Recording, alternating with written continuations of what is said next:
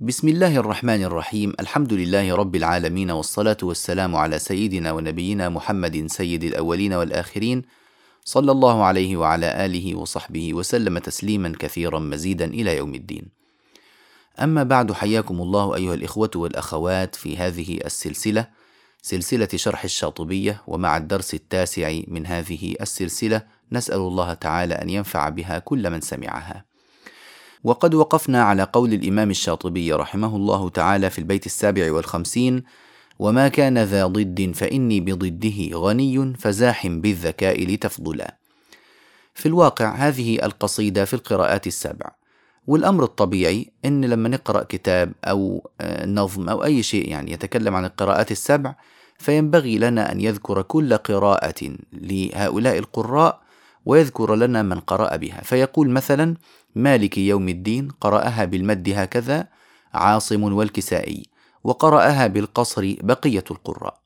ويأتي مثلا على آه، قوله تعالى آه، يجبى إليه ثمرات كل شيء رزقا من لدنا فيقول قرأ جميع القراء إلا نافعا يجبى بالياء. وقرأ نافع تجبى بالتاء. فبهذه الطريقة نكون قد أتينا على مذاهب القراء الواردة في الكلمات الخلافية في القرآن الكريم وكما تلاحظون أننا احتجنا لنوصل هذه المعلومة إلى بيان قراءتين. الإمام الشاطبي أراد أن يأتي بطريقة جديدة مناسبة للنظم تقلل عدد الأبيات قدر الإمكان وتأتي بهذه الأحكام كلها وبهذه الوجوه وبهذه القراءات كلها مختصرة. كيف ذلك؟ استعمل اصطلاحا يسمى الأضداد، الأضداد يعني يجعل هناك أحكام معينة في القراءة لها أحكام مضادة لها فإذا ذكر لنا أحد الضدين يسكت ولا يحتاج أن ينبه إلى الضد الآخر يعني مثلا يقول إذا قلت لك إن فلانا يقرأ بالياء فيكون غيره بالتاء. لا أحتاج أن أقول لك وقرأ الباقون بالتاء. إذا قلت لك فلان يقرأ بالمد فإن الباقين يقرؤون بالقصر ولا حاجة لي أن أقول لك إن الباقين يقرؤون بالقصر. فاختصرت إيه؟ جملة من الجمل واختصرت قراءة من القراءات لا أحتاج إلى ذكرها. فأنا أذكر لك قراءة واحدة وأنت بذكائك تستطيع أن تعرف القراءة الأخرى. وما كان ذا ضد فإني بضده غني. فزاحم بالذكاء لتفضل. وما كان ذا ضد يعني إذا كان هناك وجه من وجوه القراءة له ضد فإني بضده غني. فأنا مستغن ومكتف بذكر أحدهما عن ذكر الآخر. فزاحم بالذكاء لتفضل. يعني أنت بقى شغل مخك وركز معايا عشان تستطيع أن تعرف ما هو الضد الذي لم أذكره و هذا الاستغناء في الحقيقة لم يلتزم به الإمام الشاطبي في كل موضع لكنه التزم به في معظم النظم آه، بمعنى إيه؟ يعني هل هناك مواضع في النظم ذكر فيها الإمام الشاطبي القراءة وقيدها ونبه عليها وذكر قراءها ثم أشار إلى القراءة الأخرى وذكرها ونبه عليها وذكر قراءها أيضا. نعم حصل هذا وحصل مرات وكرات إلا أن هذا لا يعد هو الإيه؟ هو الأساس وهو الأصل. فاستغناؤه هذا ليس بلازم لكنه أغلبي. طيب إذا الإمام الشاطبي رحمه الله يذكر لنا القراءة ويقيدها بحكم معين.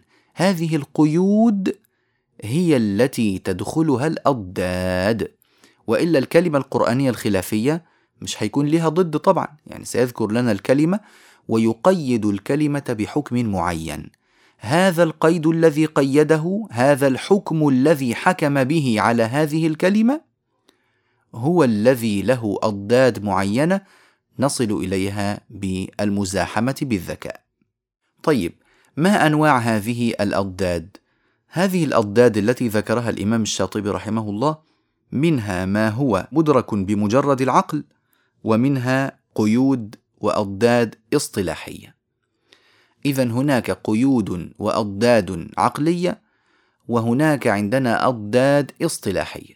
ما الفرق بينهما؟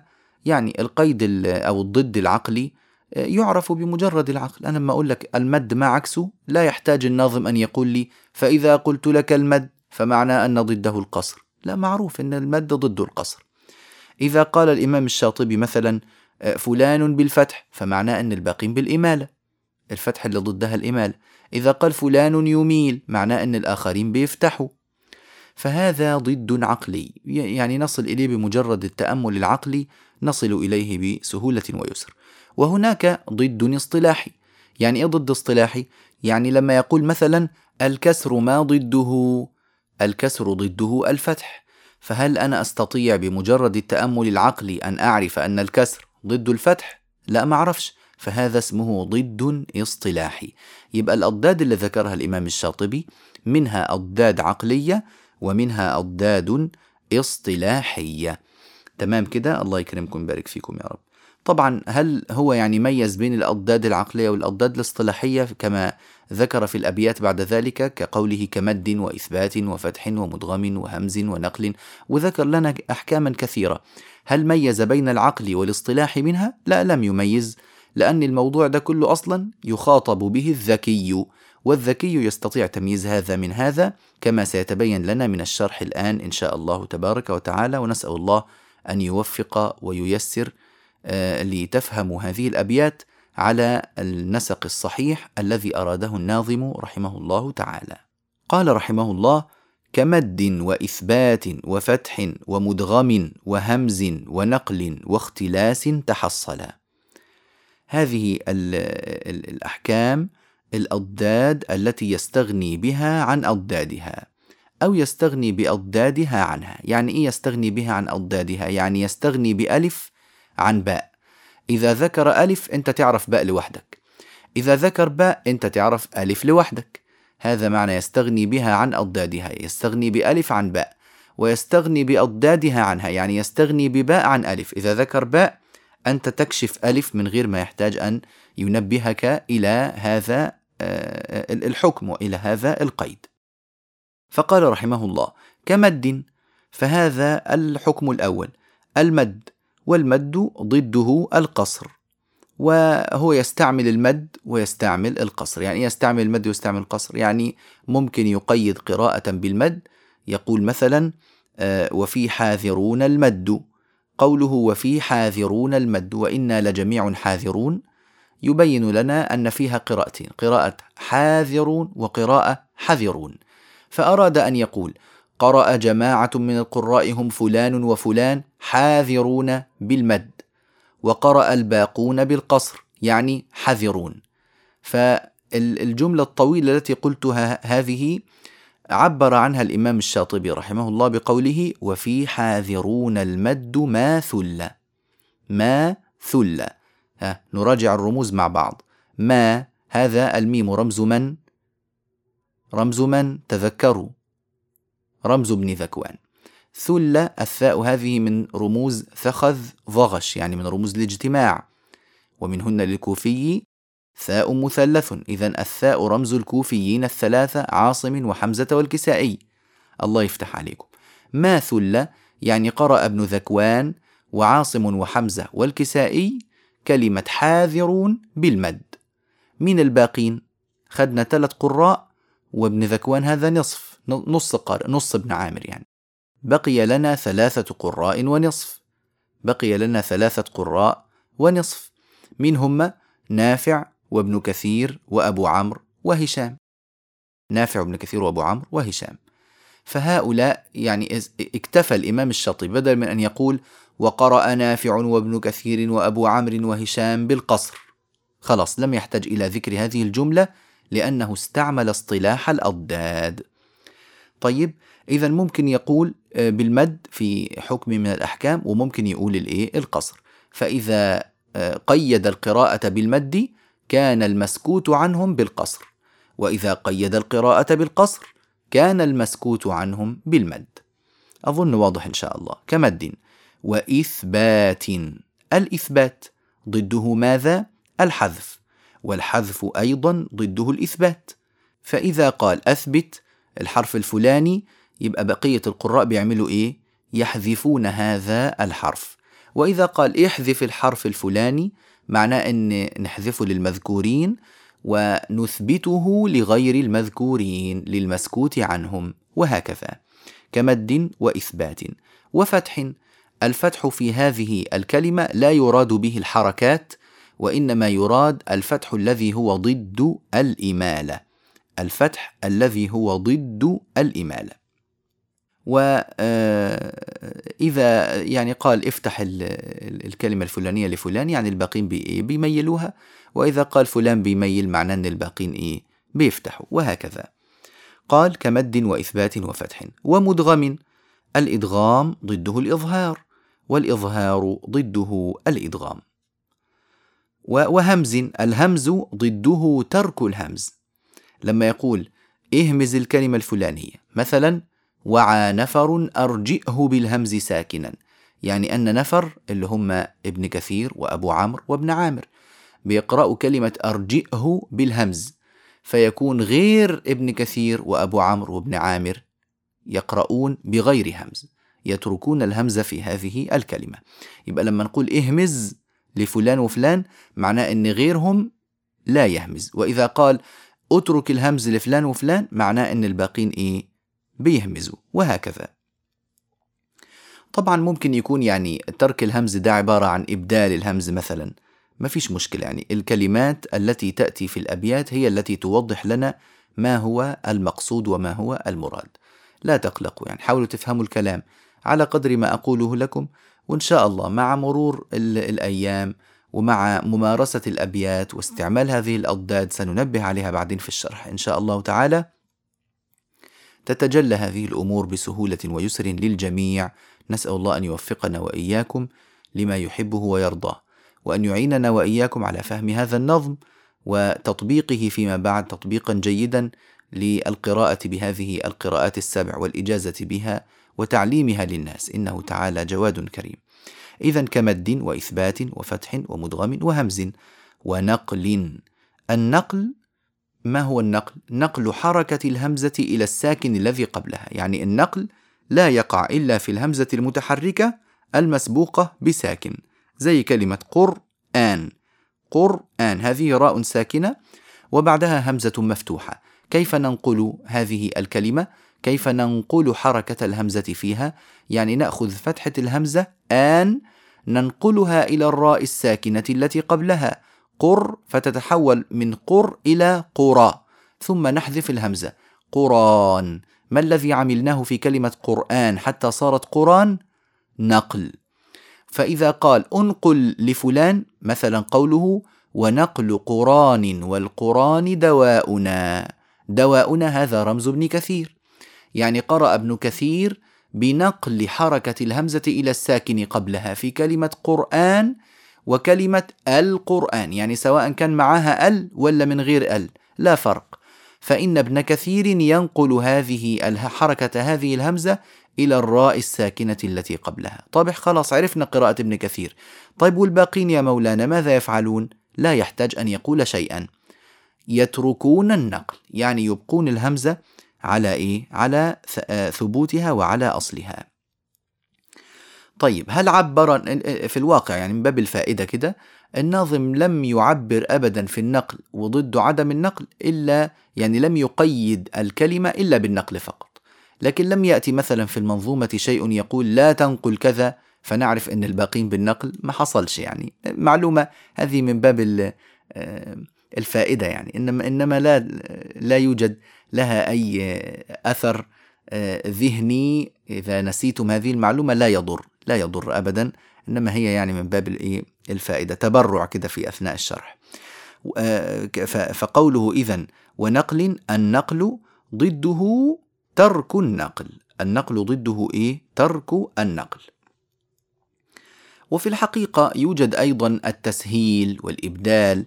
فإذا آه، قال الناظم سهل كذا فمعناه أن غيره غير المذكورين يحققون الهمز. وإذا قال أبدل الهمز الفلاني فمعنى أن غير المذكورين يحققون الهمز. يبقى تحقيق الهمز هو ضد للنقل وضد للإبدال وضد للتسهيل إلا أن الناظم لم يذكر لنا الإبدال ولم يذكر لنا التسهيل ولهما في الحقيقة نفس الحكم. فمن شاء أن يضيفهما إلى معلوماته فليفعل آه، فهذه الإضافة صحيحة. قال رحمه الله وهمز ونقل واختلاس.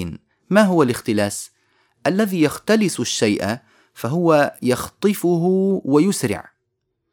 الخطف مع الإسراع ولذلك يقولون إن الاختلاس هو خفض الصوت مع الإسراع فيه في أثناء الحركة. طبعا هذا الاختلاس لا يقع إلا في الحركات. فالحركة المختلسة هي في الحقيقة ثلثاء زمن الحركة الكاملة. المهم يعني لما يقول لنا اختلس الحركة الفلانية لفلان وفلان معناه أن غير هؤلاء المذكورين يتمون الحركة. إذا الاختلاس ضده إتمام الحركة. وعدم الاختلاس ضده إيه؟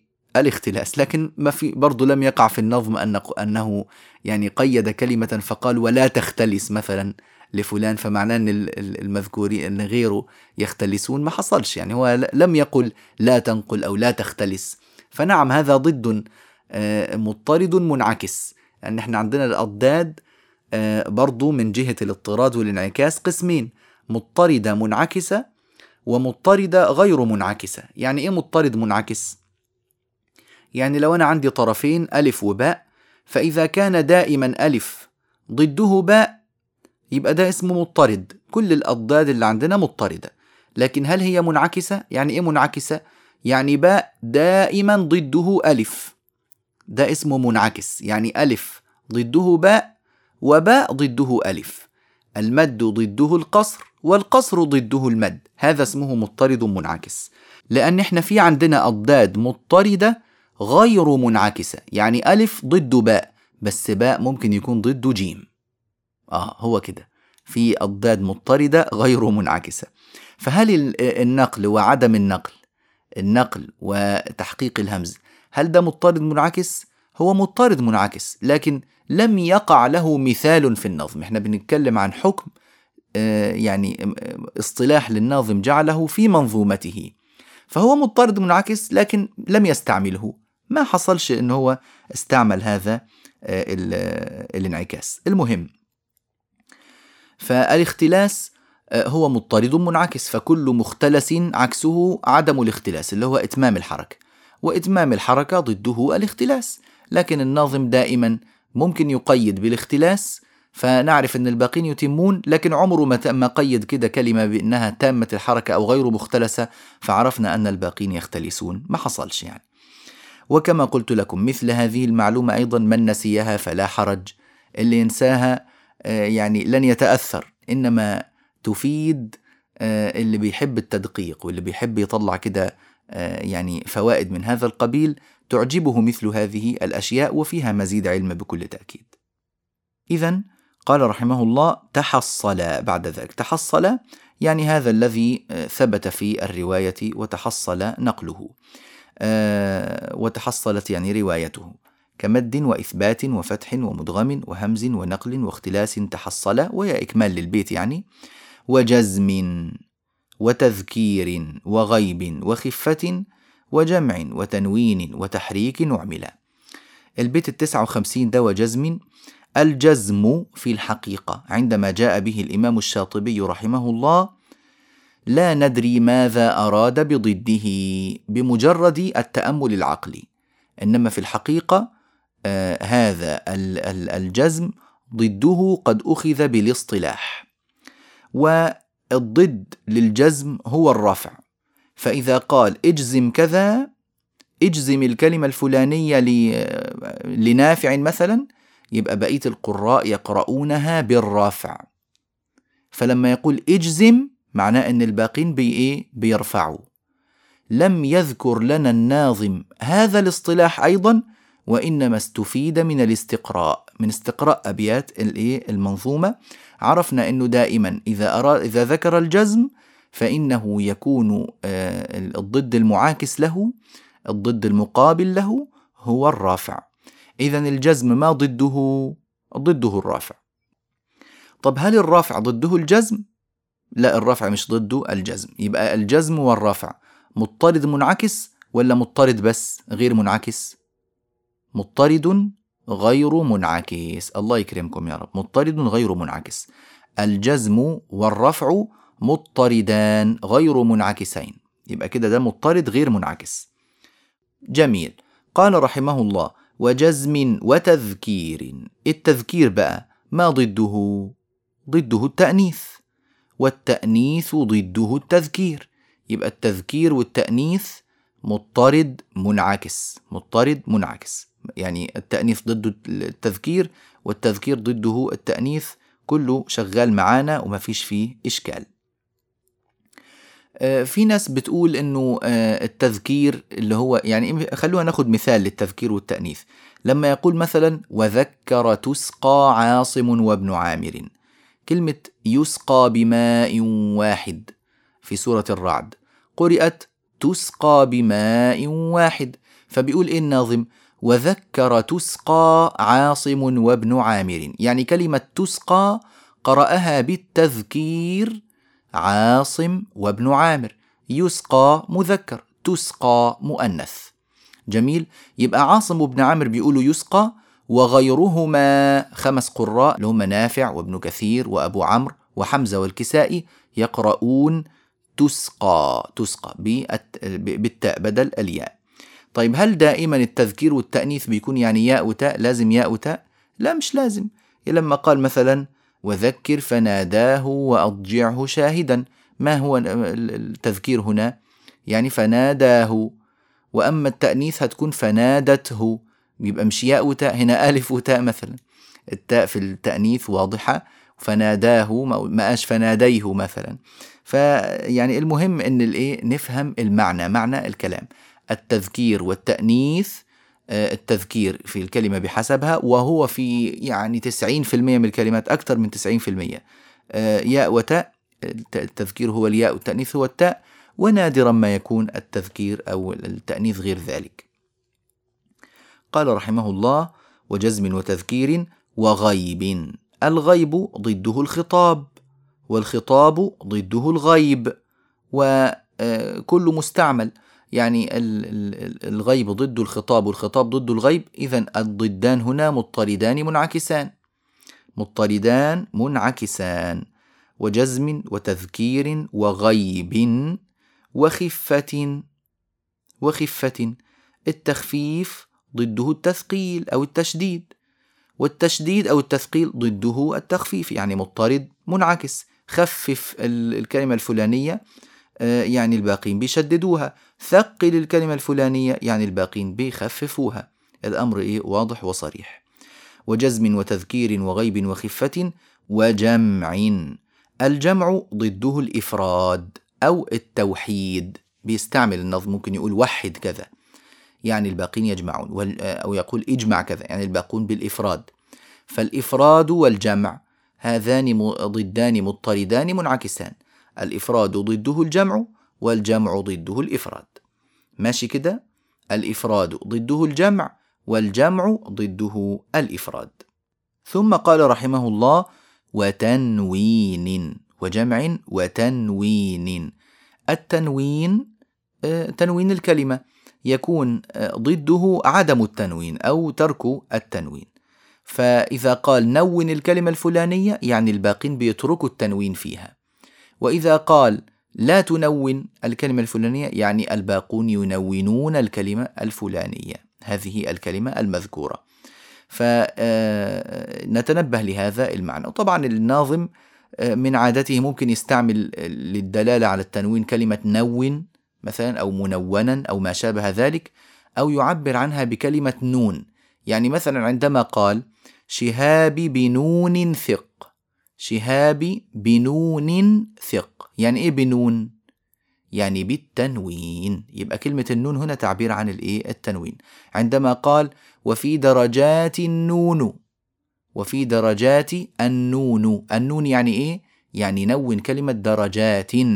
نرفع درجات من نشاء. بدل نرفع درجات من نشاء.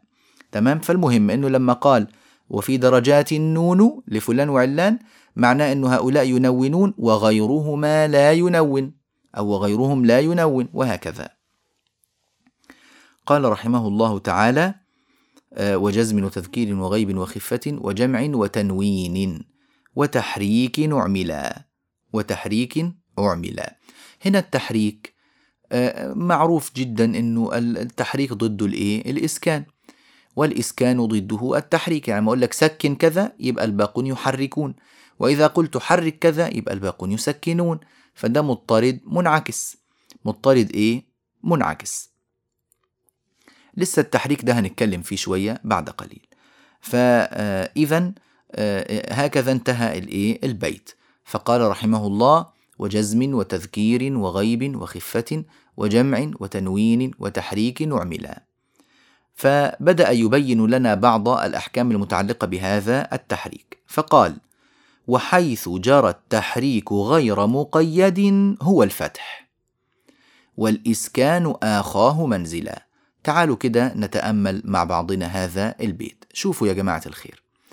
الآن إحنا عندنا كلمة حرك. هذه الكلمة كلمة التحريك لها كم احتمال؟ لها ثلاث احتمالات. ممكن يكون التحريك بالفتح ممكن يكون تحريك بالكسر وممكن يكون تحريك بالضم. فلما الناظم يقول حرك الحرف الفلاني ولا يحدد لي لم يقل ابدا حرك بالفتح ولا حرك بالضم ولا حرك بالكسر. نكون قد وقعنا في حيرة ولا أمورنا تمام؟ أكيد نكون وقعنا في حيرة. فيقول لنا الناظم بهذا البيت لا تحتاروا ابدا. وحيث جرى التحريك غير مقيد هو الفتح. إذا قلت لك حرك ولم أقيد ابدا بأي حركة من الحركات فإن معنى التحريك هنا الفتح. حرك بالفتح. ممتاز؟ قال والإسكان آخاه منزلا يعني أن الإسكان مؤاخ ال ال ال الأخوة هنا هي الضدية طبعا. يعني لما يقول والإسكان آخاه منزلا وآخيت بين النون والياء المؤاخاة يعني الضدية يعني. والإسكان آخاه منزلا يعني والإسكان هو ضد التحريك. والإسكان هو ضد التحريك. يبقى والإسكان آخاه يعني آخى التحريك فهذا الضمير يعود على التحريك. تمام؟ مش على الفتح. مش على الفتح خالص. وحيث جرى التحريك غير مقيد هو الفتح يعني فهو الفتح. والإسكان آخاه منزلا والإسكان هو ضد التحريك. جميل؟ فمثال ذلك قول الناظم رحمه الله تعالى معا قدر حرك من صحاب. معا قدر حرك من صحاب. هذه كلمة قدر اللي هي على الموسع قدره وعلى المقتر قدره. فهو يقول معا يعني في موضعين على الموسع قدره وعلى المقتر قدره. معا قدر حرك حرك أهو قال حرك ولم يقيد بأي شيء. قال من صحاب من الميم هو رمز ابن ذكوان وصحاب حفص وحمزة والكسائي. صحاب هما اللي هم وذو النقط شين للكساء وحمزة ها؟ قال صحاب هما مع حفصهم هو حمزة والكساء دول مع حفص. المهم من صحاب ابن ذكوان وحفص وحمزة والكسائي. بيعملوا إيه؟ يحركون كلمة قدره يحركوا فيها إيه؟ هيحركوا فيها الساكن. طيب ماذا يحرك؟ ما هي الحركة التي يحركون بها؟ الفتح ولا الضم ولا الكسر؟ لم يذكر لنا الإمام الشاطبي. لا يحتاج أن يذكر هو ذكر في المقدمة. وحيث جرى التحريك غير مقيد هو الفتح. فإذا قلت لك حرك وأنا ساكت من غير مقيد بفتح ولا ضم ولا كسر فاعلم أن التحريك ينصرف مباشرة إلى الفتح. أرجو أن المسألة تكون إيه؟ وضحت تماما لكم إن شاء الله تعالى. طيب ممكن حد يسأل الآن فيقول طيب لو قال افتح مثلا؟ لا أما أما يقول افتح اصبروا كده شوية هيجي لنا افتح ده بعد شوية إن شاء الله. قال رحمه الله وآخيت بين النون والياء. يعني إيه وآخيت؟ يعني خليت النون والياء متضادين. فإذا قلت لك بالنون يبقى الباقون يبقوا بالياء. وإذا قلت لك بالياء فالباقون بالنون. يبقى النون والياء هنا مضطرد منعكس ولا مضطرد غير منعكس؟ ها؟ أحسنتم. مضطرد منعكس. مضطرد من لأني ألف ضد باء وباء ضد ألف. طيب. وآخيت بين النون والياء. وفتحهم وكسر. آه تعالوا بقى هنا كده وركزوا معايا. وفتحهم وكسر. فالفتح ضده الكسر. والكسر ضده الفتح. طبعا الفتح اللي هنا مش بنتكلم عن الفتح اللي ضده إمالة لا بنتكلم عن الفتح الذي هو حركة من الحركات الثلاث. فإذا قال افتح يبقى الباقون يكسرون. وإذا قال اكسر يبقى الباقون يفتحون. طيب هنا بقى زاحموا بالذكاء. ربنا يفتح عليكم عشان نفهم مع بعض معنى الكلام. هتقولوا مش انت يا شيخ من شوية قايل لنا وحيث جرى التحريك غير مقيد هو الفتح والإسكان آخاه منزلة وقلت لنا لسه إن الفتح ضد الإسكان. هقول لكم خلوا بالكم أنا لم أقل لكم الفتح ضد الإسكان.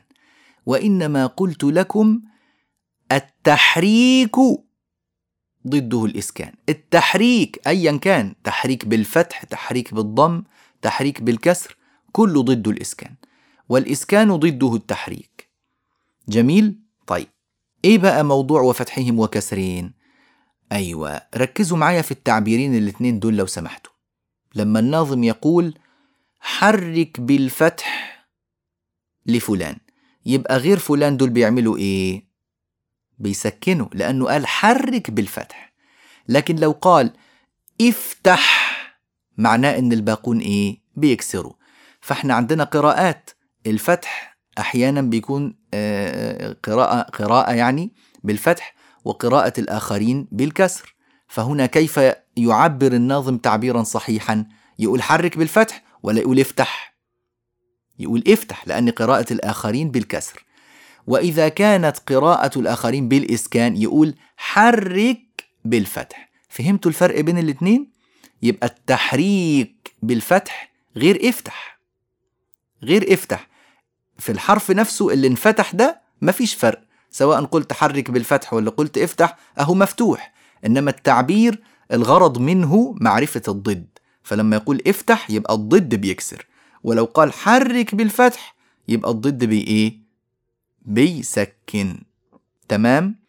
طيب. الكسر ضده الفتح. الكسر ضده الفتح. يعني لما الناظم يقول اكسر اكسر التاء يبقى الباقون يفتحون التاء. طيب لو قال حرك التاء بالكسر يبقى الباقون بيعملوا إيه؟ يبقى الباقون بيسكنوا لأنه قال حرك. كلمة حرك دي الحاء والراء والكاف لما يجوا مع بعض. على طول ندور على السكون في الناحية التانية. لكن مفيش حرك في اكسر ضم افتح يبقى إحنا بنتكلم عن إيه؟ عن شيء غير السكون مباشرة.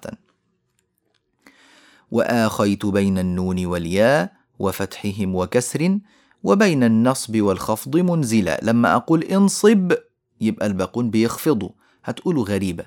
ما هو قال الفتح ضد الكسر؟ ما النصب ضد الخفض؟ هم هم نفسهم. لا في الحقيقة. لأنه الفتح والكسر والضم حركات بناء. إنما الرفع والنصب والجر والجزم حركات إعراب. تمام؟ الجر أو الخفض واحد ده اختلاف عند النحويين في التعبير لكن بيوصلوا نفس الإيه؟ المعنى. فالمهم إنه الفتح والكسر والضم والسكون وما إلى ذلك هذه حركات بناء. والرفع والنصب والخفض أو الجر يعني والجزم حركات إعراب. لا تقع إلا في الحركات الإعرابية. هتقولوا يعني مش لازم الناظم كان يقعد يعني يقول لنا إنه آه، الفتح والنصب الخفض والكسر الرفع والضم مش محتاج يعني يكتر علينا كده من من هذه المصطلحات. هقول لكم فائدة هذا يا جماعة. شوفوا مثلا لما قال الله يرحمه والوتر بالكسر شائع. شائع. الشين اللي هو مين؟ الشين هذا رمز لحمزة والكسائي ممتاز. فقال والوتر بالكسر شائع. هذا في قوله تعالى والشفع والوتر والليل إذا يسر. كلمة والشفع والوتر. آه.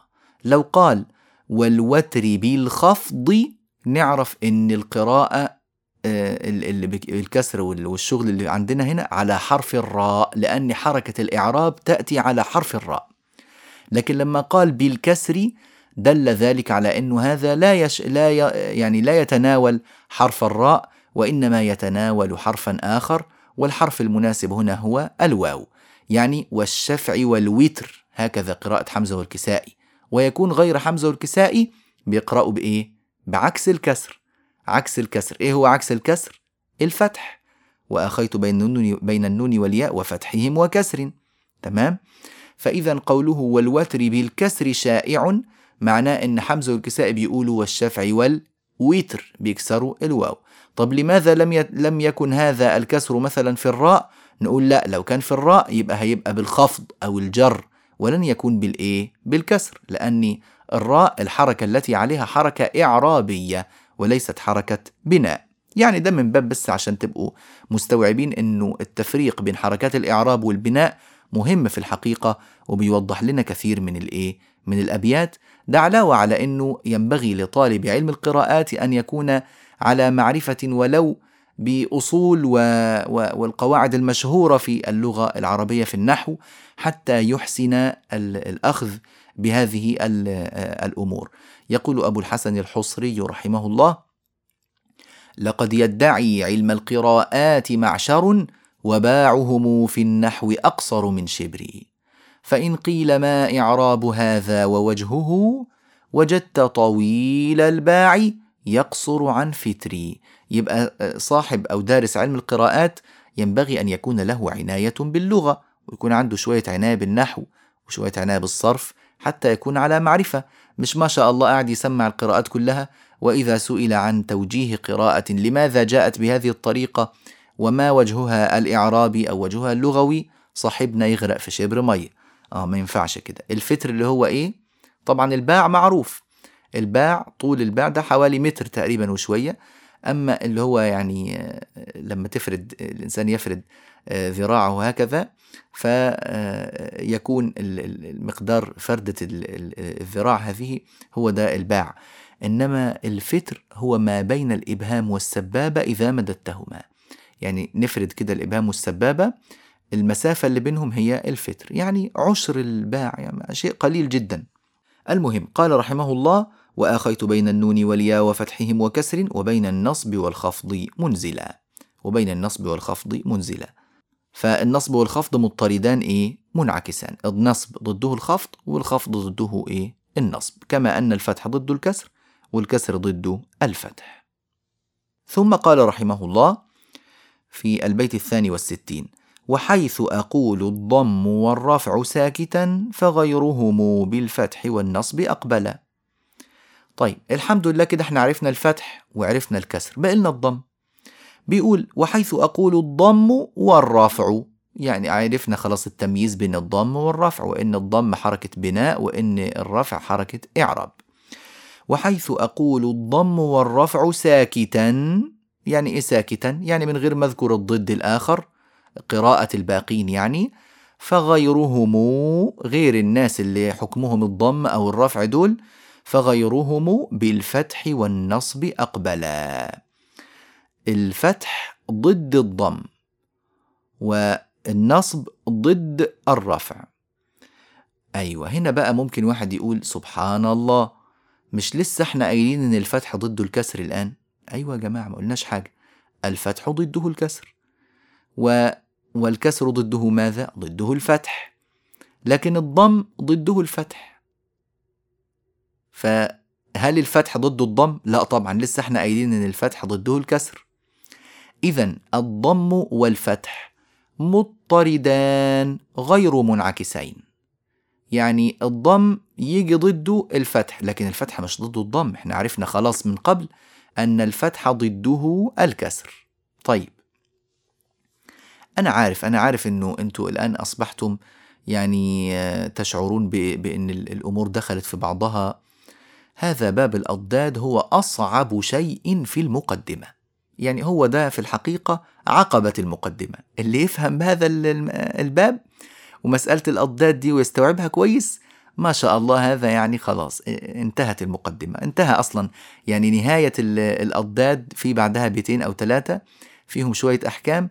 وانتهى خلاص الاصطلاح. بعد كده خطبة كده وعظية جميلة فيها فوائد ولطائف وموعظة حسنة. جزاه الله خيرا الإمام الشاطبي. فبس إنما يعني من من مفاصل المقدمة مسألة الأضداد هذه. وفعلا هي تحتاج إلى شيء من الذكاء والنباهة. إن شاء الله إذا استمعتم جيدا إلى هذا الشرح. وكتبتم الخلاصات كده تستخلصوا منه الفوائد وتكتبوها أولا بأول واسمعوا الدرس مرتين أو ثلاث مرات. إن شاء الله آه، تستوعبون جيدا مسألة الأضداد. وبعدين مع ممارسة الفرشيات بالذات مش حتى الأصول أكثر هذه الأضداد تستخدم في الفرشيات يعني. في آه، ممارسة الفرشيات إن شاء الله تجدون بعد ذلك أن هذه الأمور اتضحت جلية بحول الله وقوته. وحيث أقول الضم والرفع ساكتا فغيرهم بالفتح والنصب أقبل. إذا الضم ضده الفتح والرفع ضده النصب. وهذان مضطردان غير منعكسين. ما ينفعش يكونوا منعكسين. يبقى كده تعالوا ننظر قليلا في الأضداد التي سبق ذكرها. بيقول إيه بقى الناظم؟ كمد وإثبات وفتح ومدغم وهمز ونقل واختلاس تحصل. كل البيت ما فيش عندنا فيه مشاكل مضطرد منعكس والأمور تمام الحمد لله. المد ضده القصر والإثبات ضده الحذف والفتح ضده الإمالة والإدغام ضده الإظهار والهمز ضده ترك الهمز والنقل ضده ترك النقل والاختلاس ضده إتمام الحركة. فما فيهمش أي مشكلة إن شاء الله تعالى. إحنا بس اديناكم شوية فوائد كده في النص. لكن لو, لو لغيناها الآن نجد أن البيت ليس فيه أي مشكلة. كله مضطرد منعكس وأمورنا فيه تمام بفضل الله. آه ثم قال وجزم احذفوا الجزم ده لوحده بس خلوه على جنب.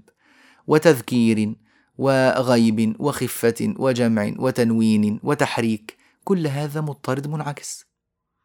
الجزم بس هو اللي شلناه على جنب لوحده.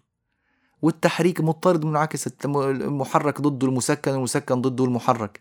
تحريك ضده الإسكان والإسكان ضده التحريك. يعني أمورنا ميسرة بفضل الله. بس اتكلمنا هنا في الجزم وقلنا أن الجزم ضده الرفع فاكرين؟ الجزم كان ضده إيه؟ الرفع هنا عندما قال وحيث أقول الضم والرفع ساكتا فغيرهم بالفتح والنصب أقبل تعالوا كده إيه نستخلصها مع بعضنا. فالجزم هناك خدناه وقلنا إنه ضده الرفع الرفع هنا ضده النصب. طب النصب ضده إيه؟ الخفض والخفض ضده النصب. ممتاز؟ احفظوها دي دي تتحفظ حفظ كده. آه ومن خلال الأبيات لما قال وآخيت بين النون والياء وفتحهم وكسر وبين النصب والخفض فإحنا عرفنا الايه إن النصب والخفض مضطردين منعكسين. المهم إنه تعرفوها بهذا الترتيب. الجزم ضده الرفع الرفع ضده النصب النصب ضده الخفض. والخفض طبعا ضده النصب يعني ده ما فيهوش مشكلة إن شاء الله. طيب تعالوا نرجع إلى الإيه؟ إلى قوله وتحريك. التحريك قلنا ضده الإسكان والإسكان ضده التحريك ما فيهوش مشاكل. لكننا تساءلنا إذا قال الناظم حرك ما معناها؟ قال لما أقول لك حرك وأنا ساكت كده من غير ما أحدد لك الحركة معناه أنه ينصرف إلى الفتح مباشرة. ويكون ضد أي تحريك بفتح بفتح بكسر بضم أي تحريك كان يكون ضده الإسكان. طيب نعود بقى إلى الحركات نفسها. فإذا قال افتح أو اكسر أو ضم نعمل إيه؟ إذا قال افتح يبقى ضده الكسر. وإذا قال اكسر يبقى ضده الفتح. وإذا قال ضم فالضم ضده الفتح. ممتاز. منين عرفنا أن الضم ضد الفتح؟ وحيث أقول الضم والرفع ساكتا فغيرهم بالفتح والنصب أقبل. وحيث أقول الضم والرفع ساكتا فغيرهم بالفتح والنصب أقبل. لا كده آه، ربطنا الضم بالإيه؟ بالفتح. فالموضوع والله بسيط يا جماعة. الموضوع آه، يسير جدا بإذن الله تبارك وتعالى. طيب لاحظوا من آه، في قوله رحمه الله وحيث أقول الضم والرفع ساكتا. كلمة ساكتا آه، معناه أني قلت ضم أو ارفع من غير ما قيد بأي شيء. معناه أن الآخرين دائما يكونوا بالإيه؟ بالفتح أو بالنصب. طب إذا كانت قراءة الآخرين ليست بفتح ولا نصب هيسكت؟ مش هيسكت طبعا لازم يقيد لا بد أن يقيد. فيقول إيه مثلا؟ مثلا وجزءا وجزء ضم لسكان صف. ضم لسكان صف. عمل إيه؟ وضح. هنا كلمة جزءا وكلمة جزء. اللي هي منصوبة أو مرفوعة ما تفرقش معانا. آه الزاي فيها مضمومة. وجزءا وجزء ضم لسكان صف. صف الصاد رمز من؟ نصع. الصاد الراوي الأول عن عاصم اللي هو شعبة. أيوة. فإذا شعبة يقول جزءا جزء يضم الزاي. جزءا جزء طيب هنا قال ضم. طب قراءة الباقين إيه؟ خلوا بالكم. قراءة الباقين بناء على أصل القاعدة لما يقول ضم المفروض يكون قراءة الباقين بالفتح. في الحقيقة لم. لا يقرؤون بالفتح. يعني مش هيقولوا جزاء ولا جزء جزاء مش هيعملوا كده. ده بيسكنوا. فالناظم قيد هنا فقال ضم الإسكان هيضم ضم الإسكان صف يعني إن صف هيضم السكون هيضم بدلا من السكون. فمن خلال القيد اللي ذكره عرفنا قراءة الباقين إنها مش إيه؟ إنها مش بالفتح. كما قلت لكم وأكرر وأكرر حتى لا تشعروا بالإحباط يعني أو تقولوا ده مش إحنا مش ممكن نفهم هذا الكلام. الكلام ده ثقيل جدا جدا ويعني إحنا خلاص آه تبنا إلى الله وعمرنا ما هنقول إن إحنا أذكياء مرة تانية. أبدا يا جماعة أنتوا أذكياء بفضل الله تعالى. وليست هذه الأمور عقبة كبيرة ولا أي شيء. وقد فهمها يعني ناس صغار جدا في السن من سن 13 14 شفت ناس فهموا هذا ولم يكن عندهم محل إشكال بفضل الله تعالى. افهموه كويس بس. وإن شاء الله مع استعماله في الفرش يعني بعد حين طويل من الزمان. إن شاء الله لما تستعملوه في الفرش هتقدروا من خلال الفرش تميزوا هذه الأحكام جيدا ويكثر استعمالها في كل بيت. كل حكم سيذكره الناظم مليء بهذه الأضداد. نعم. آه إذا الخلاصة إن إحنا عندنا أضداد مضطردة منعكسة وأضداد مضطردة غير منعكسة. ميزوها وطلعوها كده في جدول على آه يعني مختصر على جنب وخدوها اعرفوا ما هي الأضداد المضطردة المنعكسة وميزوا بينها وبين الأضداد المضطردة غير المنعكسة. ولما نيجي عند الجزم لازم نكون متأكدين ومستذكرين أن ضد الرفع والرفع ضد النصب والنصب ضد الخفض والخفض ضد النصب تاني. تمام؟ وإذا قلنا حرك بفتح يبقى الباقون إيه؟ يسكنون. حرك بضم يبقى الباقون يسكنون. حرك بكسر الباقون يسكنون. لكن لما أقول افتح يبقى الباقون يكسرون. اكسر يبقى الباقون يفتحون. ضم يبقى الباقون إيه؟ يفتحون. حيث أقول الضم فغيرهم بالفتح. جميل. قال رحمه الله تعالى وفي الرفع والتذكير والغيب جملة على لفظها أطلقت من قيد العلا. خلصنا الأضداد الحمد لله. هل هناك أضداد أخرى؟ لم يذكرها الإمام الشاطبي؟ نعم يعني اللي يبص كده ويستقرئ الشاطبية يجد أن هناك أضدادا أخرى لم يأتي عليها الإمام الشاطبي بالذكر لكنها واضحة وجلية يعني. يعني مثلا لما يقول اقطع الهمزة يبقى الباقون إيه؟ بيوصلوها. لما يقول قدم يبقى الباقون يؤخرون. لما يقول أخر يبقى الباقون يقدمون. وهكذا بعض الإيه الأحكام اللي من هذا القبيل واضحة وجلية لم يحتج الناظم أن يذكرها ولا تشكل عقبة لدارس هذا النظم إن شاء الله تعالى. قال وفي الرفع والتذكير والغيب جملة على لفظها أطلقت من قيد العلا. يعني إيه البيت الجميل ده؟ هذا البيت يعني نوع من أنواع المبالغة في الاختصار. المبالغة في الاختصار. مش هو سبق الناظم قال لنا. كلمة كذا بالغيب لفلان. يبقى الباقون بالخطاب. كلمة كذا بالتذكير لفلان. يبقى الباقون بالتأنيث. كلمة كذا بالرفع لفلان. يبقى الباقون بالإيه؟ بالنصب. طيب. هنا يقول إنه أنا ممكن أختصر زيادة كمان. كيف تختصر يا سيدنا الإمام؟ قال هناك جملة من الألفاظ في هذا النظم جملة من المواضع أطلقتها يعني أرسلتها هكذا بمجرد التلفظ بها من غير أن أقيدها بشيء.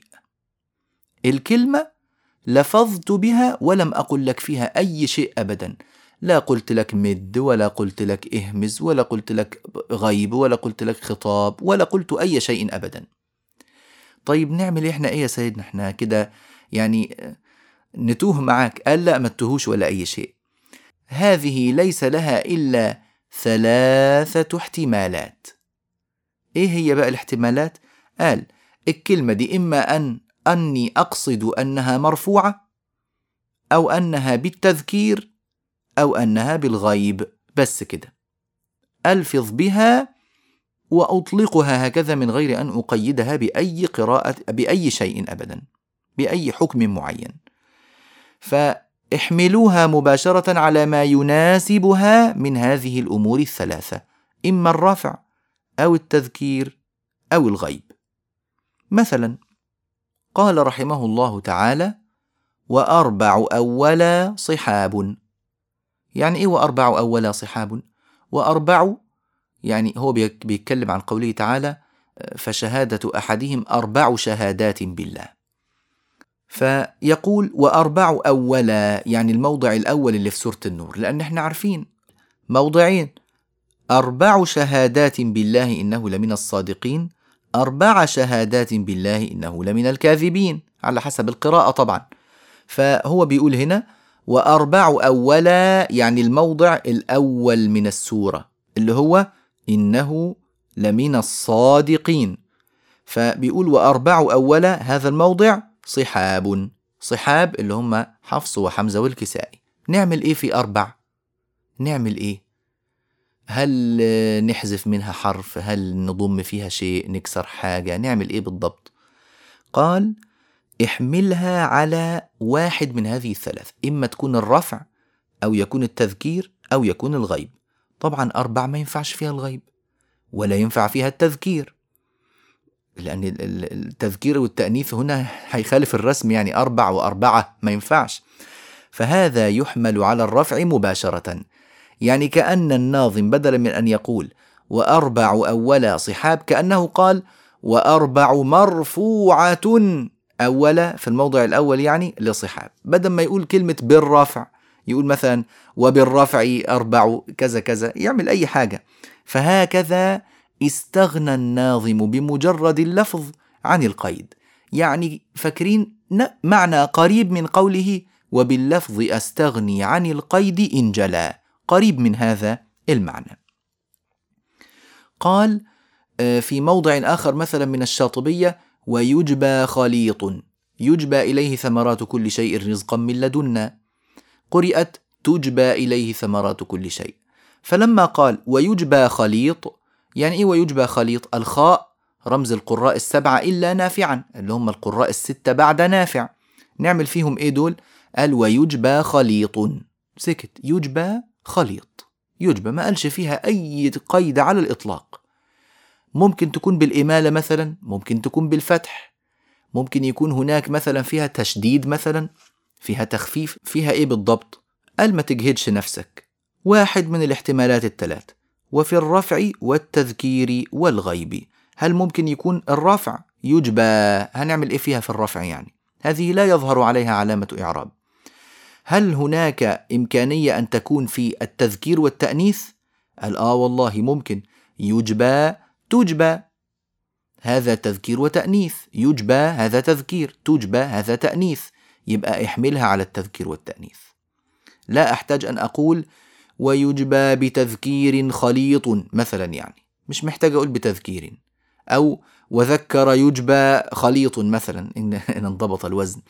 ف آه، يعني هكذا لا ينضبط الوزن طبعا. لكن إحنا مش ناظمين هنا. ويجبى خليط. قالها كده وسكت. دون أن يقيد بشيء. فقال وفي الرفع والتذكير والغيب جملة على لفظها أطلقت. يعني وفي هذه الثلاثة الأشياء وفي الرفع والتذكير والغيب جملة مواضع. أطلقتها وأرسلت اللفظ فيها من غير تقييد. مطلق من غير ما قيده بأي شيء أبدا. جميل كده. أظن إن شاء الله أنه واضح. من قيد العلا طبعا العلا المعالي يعني. فمن قيد العلا يعني حصل وحاز العلا وحاز الرتب العالية في الفهم والذكاء وما إلى ذلك. قال رحمه الله تعالى وقبل وبعد الحرف آتي بكل ما رمزت به في الجمع إذ ليس مشكلا. يعني إيه البيت ده؟ وقبل وبعد الحرف الحرف هنا المراد به الكلمة القرآنية التي اختلف فيها القراء. وقبل وبعد الحرف آتي بكل ما رمزت به في الجمع. آتي وأذكر لك جميع ما رمزت به في الجمع. يعني إيه ما رمزت به في الجمع؟ يريد الكلمات التي رمز بها للجمع. الكلمات الجماعية مش الحروف الجماعية. الرموز الكلمية الجماعية. كانوا ثمان كلمات لو تفتكروهم. اللي بعدما انتهى من الشين لحمزة والكسائي قال صحبة لحمزة والكسائي وشعبة وصحاب حمزة والكسائي وحفص وعم ونفر وحصن إلى آخر هذه الكلمات. فهذه الكلمات الثماني يأتي الناظم بها قبل الكلمة القرآنية أو بعدها. فاكرين في بداية الدرس الماضي. لما تكلمنا عن هذا الأمر. كان الناظم رحمه الله تعالى قد قال ومن بعد ذكر الحرف أسمي رجاله فاكرين؟ يعني بعد أن آتي بالكلمة القرآنية آتي بالرجال آتي بالرموز هتقولوا سبحان الله. هو قال هيجيب الكلمة القرآنية ثم يأتي بالرموز. والآن يقول آتي بالرموز قبل الكلمة القرآنية أو بعدها. إيه المشكلة؟ ما هذا التناقض؟ لا تناقض ولا شيء. هو يتكلم في البيت الأول المذكور سابقا عن الرموز الفردية. الرموز الفردية. يعني إذا كان هناك رمز فردي فقط لا آتي به إلا بعد الكلمة القرآنية. وهنا يتكلم عن الكلمات الجماعية يقول إذا كان هناك كلمة من الكلمات الدالة على جماعة القراء فلا مشكلة عندي أن آتي بها قبل الكلمة القرآنية أو بعدها. ليه؟ إذ ليس مشكلة، يعني لا يشكل عليك أنها رمز لأنها كلمة كاملة. إنما الرموز الفردية هي حرف من الكلمة، فممكن أنت لا تدري هل هذه كلمة ولا آه، يعني هي حرف قرآني هل هو رمز ولا كلمة ذات معنى كده آه، مفيد يعني في فهم البيت؟ لا تدري. أما لما يقول نفر أما يقول عمة أما يقول حصن أما يقول آه، حرمي أما يقول صحبة أما يقول صحاب أما يقول حق كل هذه تدل بوضوح على أنها رمز. فليس فيها أي إشكال. ولذلك يمكن أن يأتي بها قبل الكلمة القرآنية أو بعدها حتى ولو كان معها رموز فردية. ما دام الكلمة الجماعية جاءت فهي تدل على ما جاورها مباشرة من الرموز الفردية. يعني مثلا عندما يقول ومنزلها التخفيف حق شفاؤه. ما فيش عندنا مشكلة. جاء بالكلمة القرآنية ومنزلها فقال التخفيف يخففها مش مش يخليها منزلها يعني منزلها. التخفيف حق شفاؤه حق اللي هو آه، ابن كثير وأبو عمرو شفاؤه اللي هو حمزة والكسائي. فشفاؤه هنا آه، رمز فردي حرف مجرد حرف. في مشكلة؟ ما فيش عندنا مشكلة. هذا هو الأصل والوضع الطبيعي. إنما لما مثلا يقول وحق نصير كسر واو مسومين.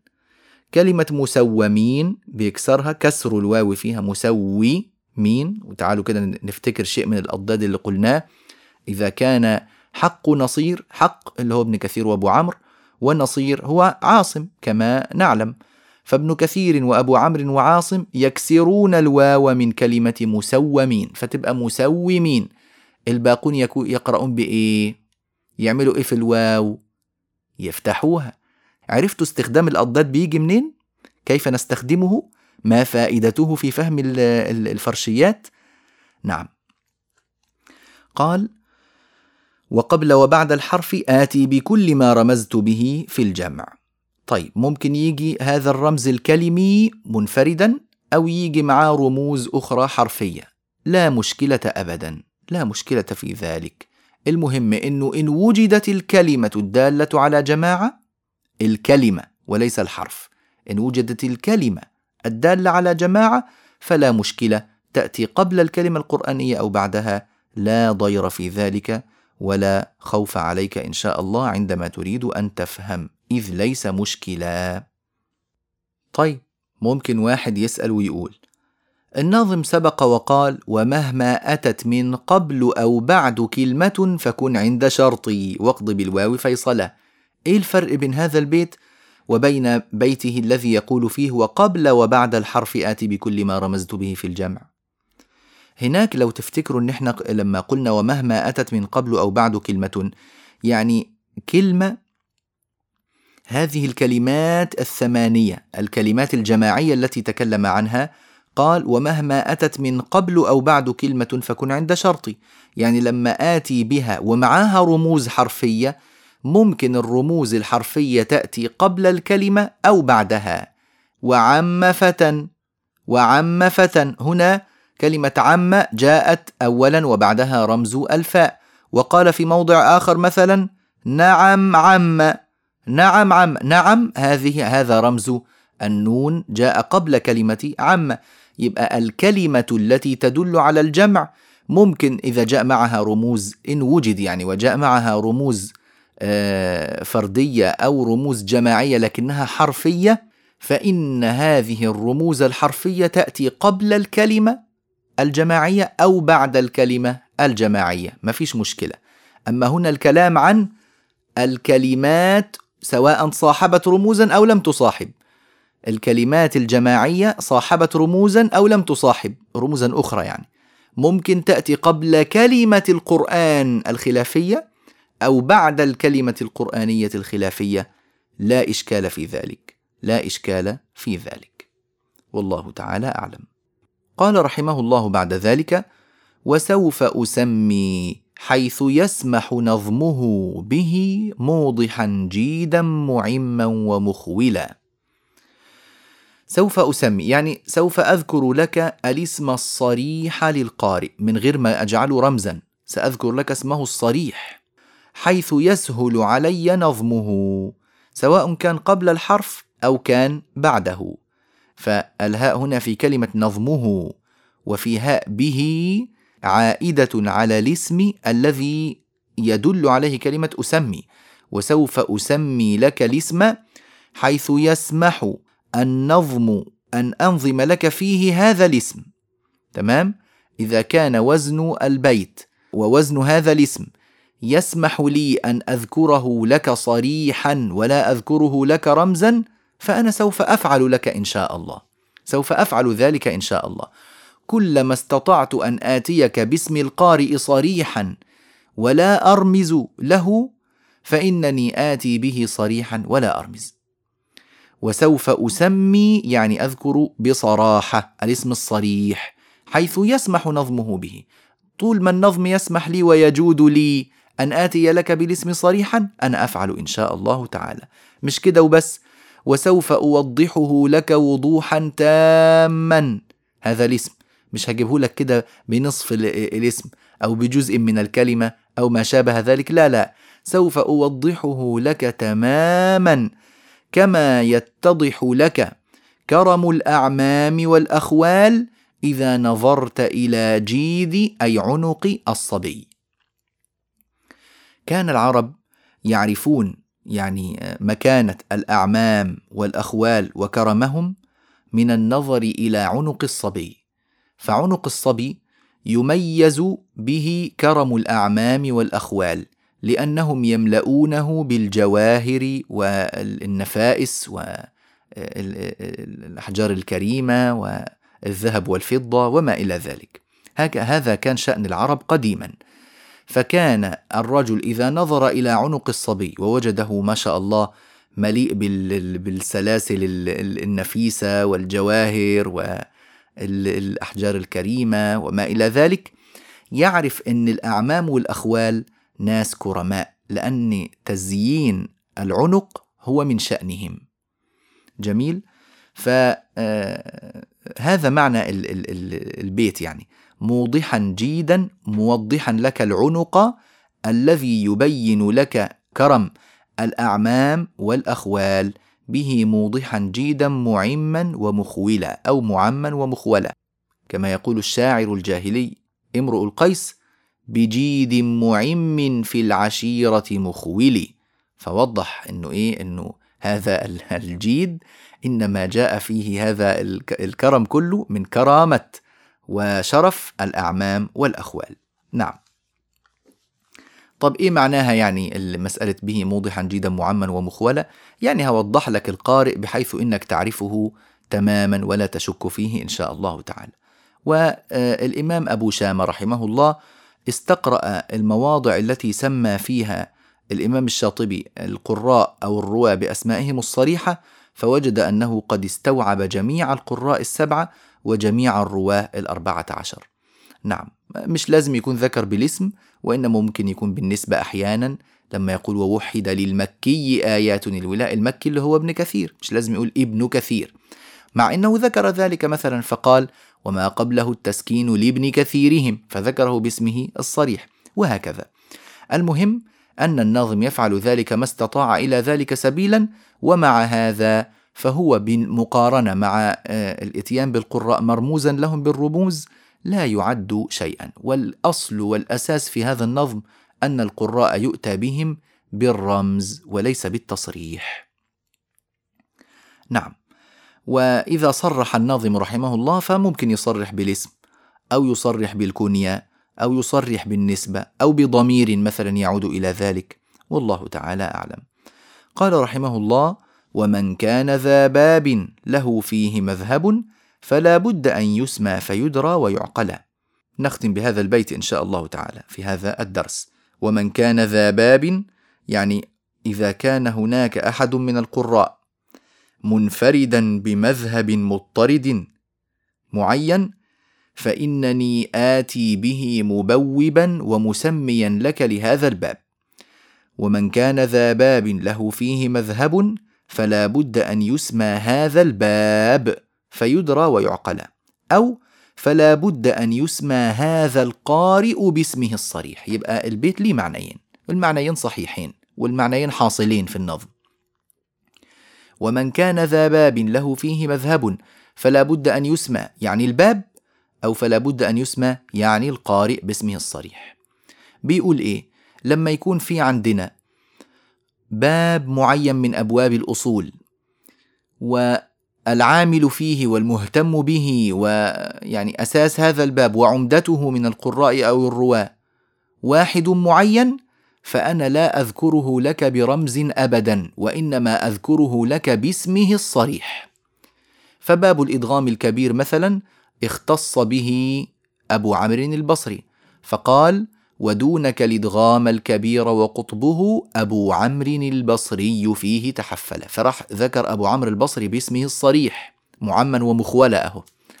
ومثلا عندما كان آه، ورش مختصا بتغليظ اللامات قال وغلظ ورش فتح لام لصادها إلى آخره فقال وغلظ ورش ولم يقل مثلا آه وغلظ لاما كذا فلان فلان جلى وراح قال لك جلى كده في الآخر وأخذ الجيم رمزا لورش مثلا في كلمة جلى أو غيرها وجاء به مرموزا له لا لازم يذكر باسمه الصريح. جميل؟ وإذا كان هناك باب خاص لراو من الرواة أو قارئ من القراء فإنه يأتيك بالباب مستقلا. يعني ده المعنى الإيه؟ الآخر اللي إحنا قلناه في البيت. فيقول باب هاء الكناية لأنه هذا الباب أساس من أسس ابن كثير مثلا. باب الإدغام الكبير باب الراءات باب اللامات لأنه هناك قارئ عمدة في هذا الباب فلا بد أن يذكر هذا الباب كاملا وينسب إلى القارئ أيضا بالتصريح باسمه. فالمعنيين مقصودين وهما صحيحان. إيه هما المعنيين؟ فلا بد أن يسمى الباب أو فلا بد أن يسمى القارئ. المعنيين صحيحين والمعنيين إيه؟ مذكورين في هذا النظم بفضل الله تعالى. ثم قال أهلت فلبتها المعاني لبابها وصغت بها ما ساغ عذبا مسلسلا. بإذن الله تعالى نجعل هذا البيت في الدرس المقبل بحول الله وقوته. وبهذا الدرس نكون قد انتهينا من كافة اصطلاحات الناظم التي اصطلح عليها في بناء قصيدته الشاطبية. آه، ومن فهم هذه الاصطلاحات سهل عليه التعامل مع هذا النظم إن شاء الله تعالى. ما بقي من المقدمة من أول أهلت فلبتها المعاني إلى آخر المقدمة لا يوجد فيه أي اصطلاح إضافي. سيذكره الناظم وإن شاء الله تعالى. إن مد الله في العمر نبدأ من أهلت فلبتها المعاني في الدرس المقبل بحول الله وقوته. نسأل الله عز وجل أن ينفعنا وإياكم بما نقول ونسمع وصلى الله وسلم وبارك على سيدنا محمد وعلى آله وصحبه أجمعين.